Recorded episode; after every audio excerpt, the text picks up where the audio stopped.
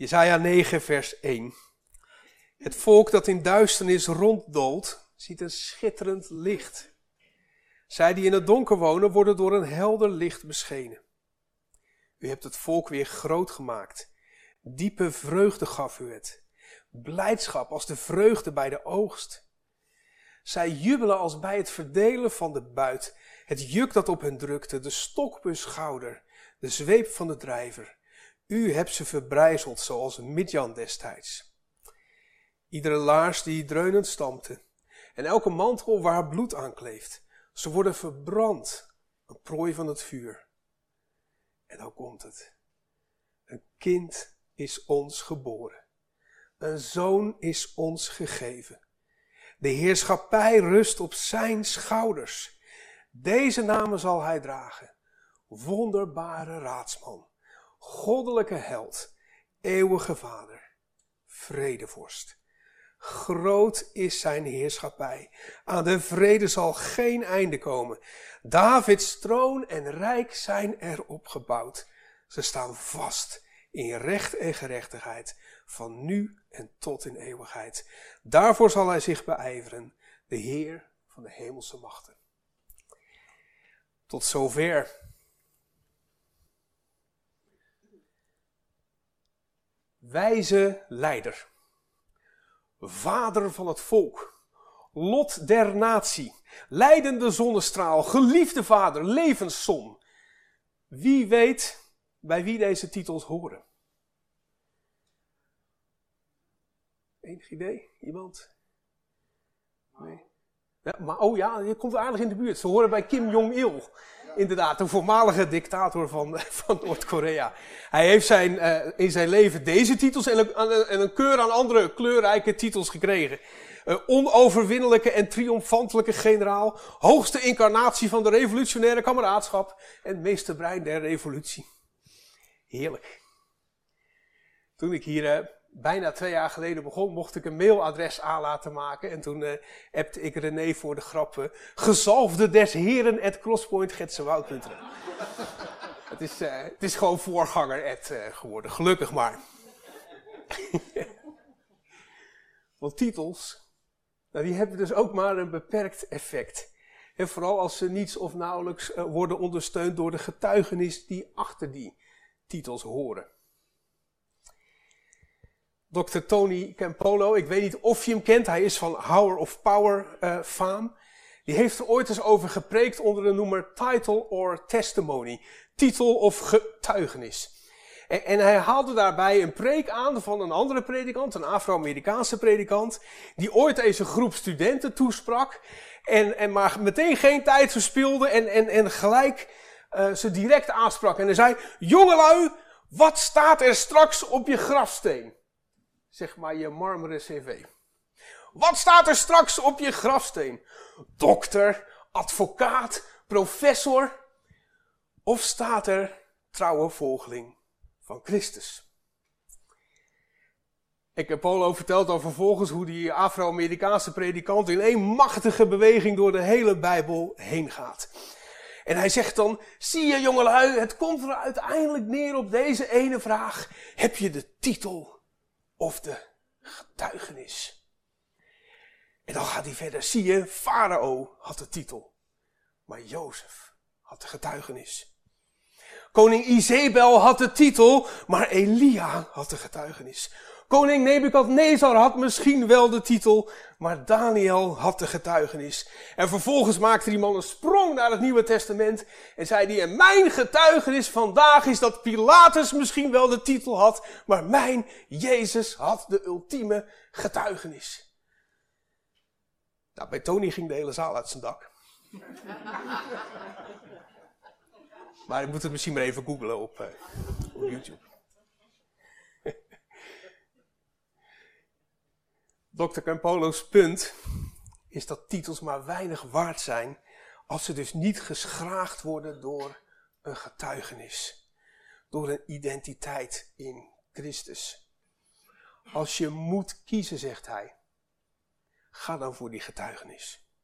Maar als je kan kiezen, ga dan voor titel en getuigenis. Je titel heb je voor de plek waar je gaat en staat.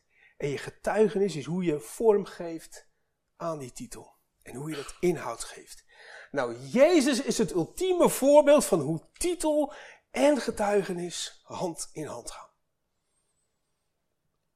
Nou, de komende weken gaan we dus kijken naar hoe Jezus die titels en de getuigenissen die erbij komt in onze wereld en in ons leven waarmaakt. Te beginnen vandaag dus met wonderbare raadsman. En om eerlijk te zijn ga ik die titel um, vandaag ook wat meer belichten vanuit die vraag van de combinatie van titel en getuigenis. En hoe dat ook wat voor ons betekent. En ook voor onze eigen titels en getuigenissen.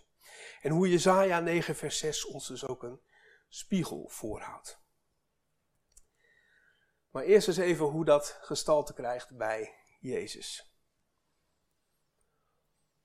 Het is misschien opgevallen in, in vers 9, eh, eh, eh, hoofdstuk 9, vers 6. Dat, dat is eigenlijk waar deze hele preekserie, deze hele themareeks van ophangt.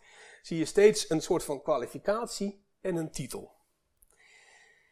En de eerste die we horen is dus wonderbare raadsman. In ieder geval in onze vertaling.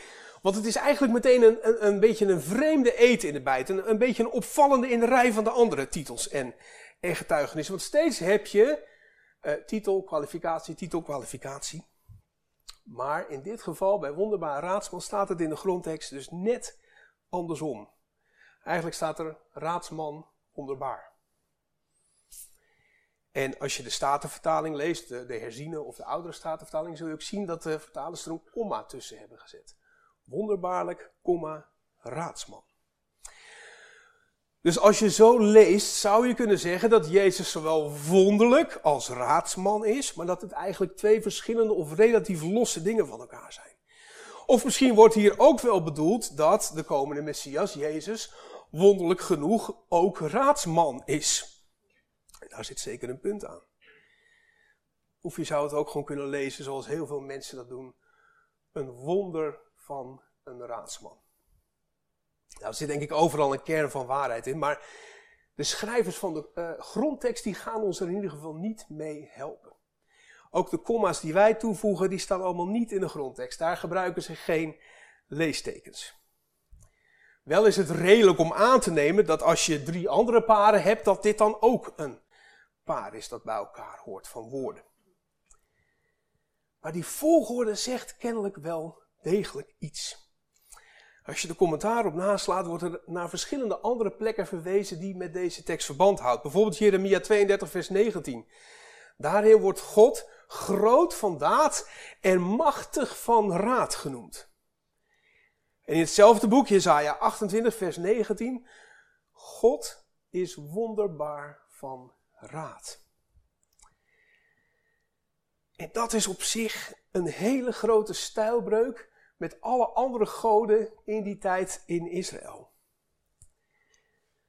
De God van Israël, de zoon ook die voorspeld wordt, is een God bij wie je voor raad en daad terecht kunt. En die die raad dan ook op wonderbaarlijke wijze geeft. Al die andere goden die beslissen over je. Maar God, deze raadsman, gaat met jou op pad. Dus dat is al bijzonder, gewoon alleen al aan die titel. Nou, hoe uh, uitzicht dat dan bij Jezus Christus? ik hoorde er van de week drie dingen over. En uh, eigenlijk zit er nog een vierde en een vijfde aan, maar die zijn eigenlijk gewoon overkoepelend voor het geheel. Uh, dus je hebt een blokje van drie en een blokje van twee, zo gezegd. Eerst die drie dingen die gewoon heel belangrijk zijn voor hoe Jezus dat raadsman zijn vormgeeft in zijn bediening. Het eerste is, Jezus heeft inzicht in onze harten. Ik weet niet of je wel eens bij een raadsman bent geweest of een raadsmens. Maar ik geloof dat niemand zoveel inzicht heeft in onze harten zoals Jezus dat heeft. Je hoort het ook zeggen op sommige plekken. Lucas 9, vers 45. Maar Jezus kende de overleggingen van hun hart. Hij weet precies wat er speelt precies wat er roert. Dat is een wonderbaar inzicht dat hij heeft. En omdat hij dat weet, weet hij ook als geen ander van onze noden. Ook omdat hij hier gewoon is geweest onder ons als mens. Hij heeft ons mens zijn van binnenuit meegemaakt. Hij kent dus onze dorst. Hij kent onze fundamentele eenzaamheid. Hij is zelfs onze dood gestorven. Hij begrijpt ons door en door. En hij is de enige raadsman ter wereld. De enige raadsman ooit die echt met recht kan zeggen: Ik weet, ik snap ten diepste hoe jij je voelt. Dus hij kent ons hart. Hij kent onze noden. En dus geeft hij ook altijd de juiste diagnose. Onze aardse, raad, aardse raadsmensen kunnen er nog wel eens na, eh, naast zitten. Maar Jezus schiet zogezegd altijd raak.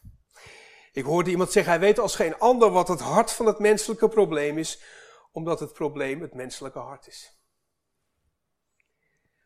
Aan de oppervlakte is vaak van alles zichtbaar, maar Jezus dringt door tot het hart van de zaak, namelijk ons hart.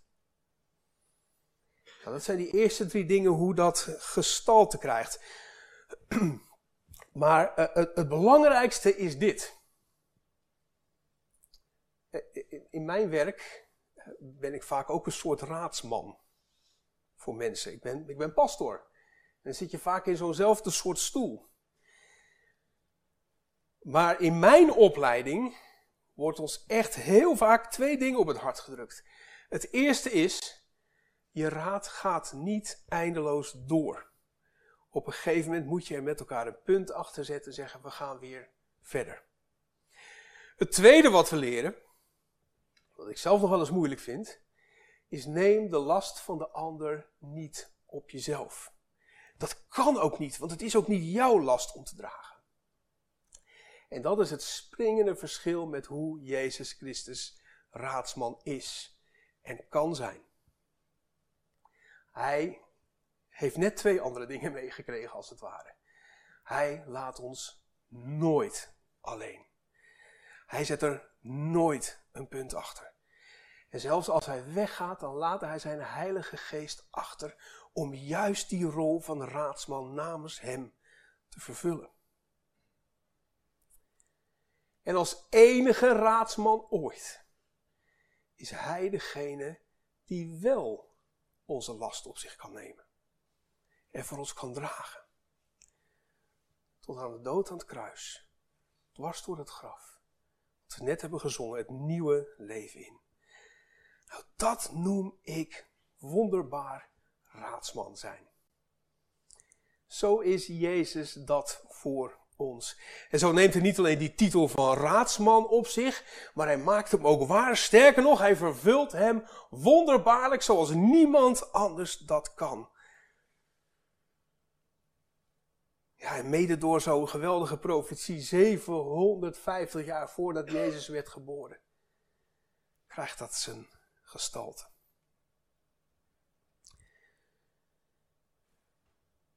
Maar hoe krijgt het gestalte in ons leven? En um, ik ben deze, met deze preek een, heel eind in de week bezig geweest. En um, ik zat op twee sporen. En, en, ik kon er eerlijk gezegd niet goed uit kiezen. Dus ik heb een aantal crosspointers er gisteren mee lastiggevallen via de app. En misschien ook wel een beetje mee voor het blok gezet. Maar um, Uiteindelijk kwam natuurlijk geen keuze uit, dus ik ga alle twee de sporen met jullie delen. Het eerste spoor waar ik aan zat te denken was: hoe zit het met de titels en getuigenissen in jouw leven? Die op jou en mij van toepassing zijn. als je kijkt naar het visitekaartje van jouw leven, wat staat er dan op? Of wat zou je er graag op willen hebben? Ik deed zo even een, rondje langs een paar crosspointers op LinkedIn. En ik zag titels als uh, Big Data Consultant.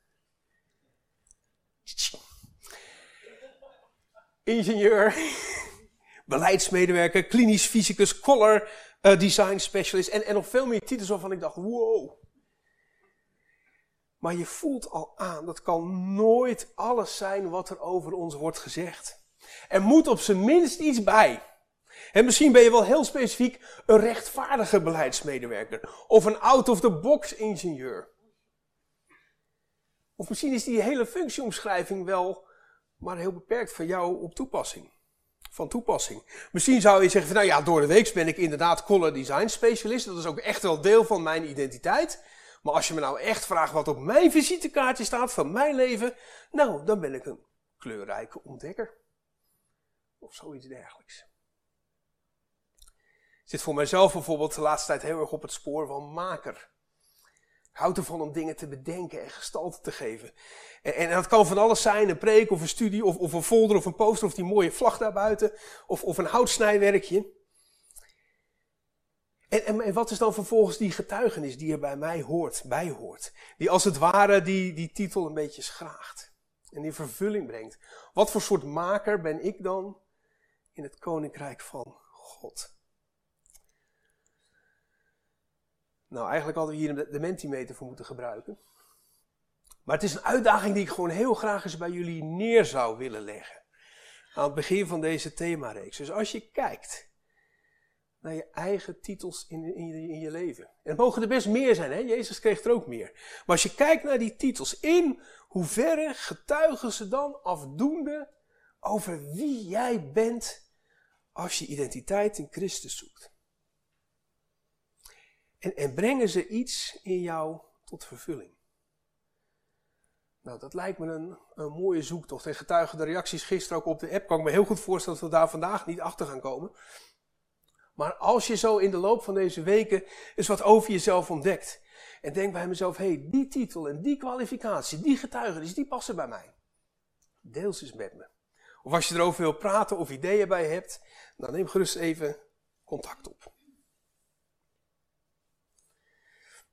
tweede spoor, dat is ook het laatste, dan gaan we een beetje afronden. Het tweede spoor is eigenlijk uh, minstens zo belangrijk. En, en, en, het zegt misschien ook wel het meest over wie wij in Christus zijn en, en waar we onze identiteit echt mogen zoeken. En dat is natuurlijk de vraag, welke titel en getuigenis geven wij aan Jezus in ons leven? We krijgen er de komende week in ieder geval een paar aangereikt. En vandaag wonderbare raadsman. Titel, raadsman, getuigenis, kwalificatie, wonderbare. Maar welke titel zou jij Jezus geven? En hier durf ik wel een beetje naar te vragen bij jullie. Heb je daar een beetje over nagedacht, zoal in de loop van de, van de preek? Welke titel heeft Jezus voor jou in je leven? Eeuwige God. Eeuwige God. Dankjewel. Gaan we het dus ook over hebben? Ja, ja. Wie zou verder nog willen reageren? Lastig nog best wel, hè? Hoe breng je dat onder woorden? Nou, we nemen het gewoon mee in de uitdaging. Misschien zet het volgende keer in de Mentimeter. Dan heb je een week om over na te denken. Dus titels en getuigenissen. Als Jezaja een profetie over jou zou uitspreken, hoe zou die dan klinken? En in hoeverre zit je daar nog een end van af? In hoeverre kun je het verwezenlijken? In hoeverre denk je er überhaupt over na? titels en getuigenissen van wie Jezus is in jouw leven. Nou, daar gaan we met elkaar over nadenken. Het mooie vind ik altijd, titels zijn in zichzelf al een soort vooraankondigingen. Dat zie je ook in dit stuk van Jezaja. een titel van een boek, van een film of een artikel geeft al iets weer van de inhoud en geeft al iets weer van uh, jouw bereidheid om ermee verder te gaan. In het geval van Jezaja beloven die titels uh, weergaloze inhoud. De titels die Jezus al voor zijn geboorte krijgt toegedicht zijn niet alleen veelbelovend, ze zijn zelfs allesbelovend. En ze horen zo bij hem dat we dus zeggen in de Bijbel, niet alleen deze titels zal hij krijgen, maar deze namen zal hij dragen. Zijn titels zijn de ultieme getuigenis en hij maakt ze helemaal waar. Ze zeggen, ik doe zo als ik heet. En daar kunnen we altijd op rekenen, mogen we altijd op leunen. Allereerst op zijn wonderbare raadsmanschap in alles wat wij tegenkomen. Gaan we volgende keer mee verder. Amen.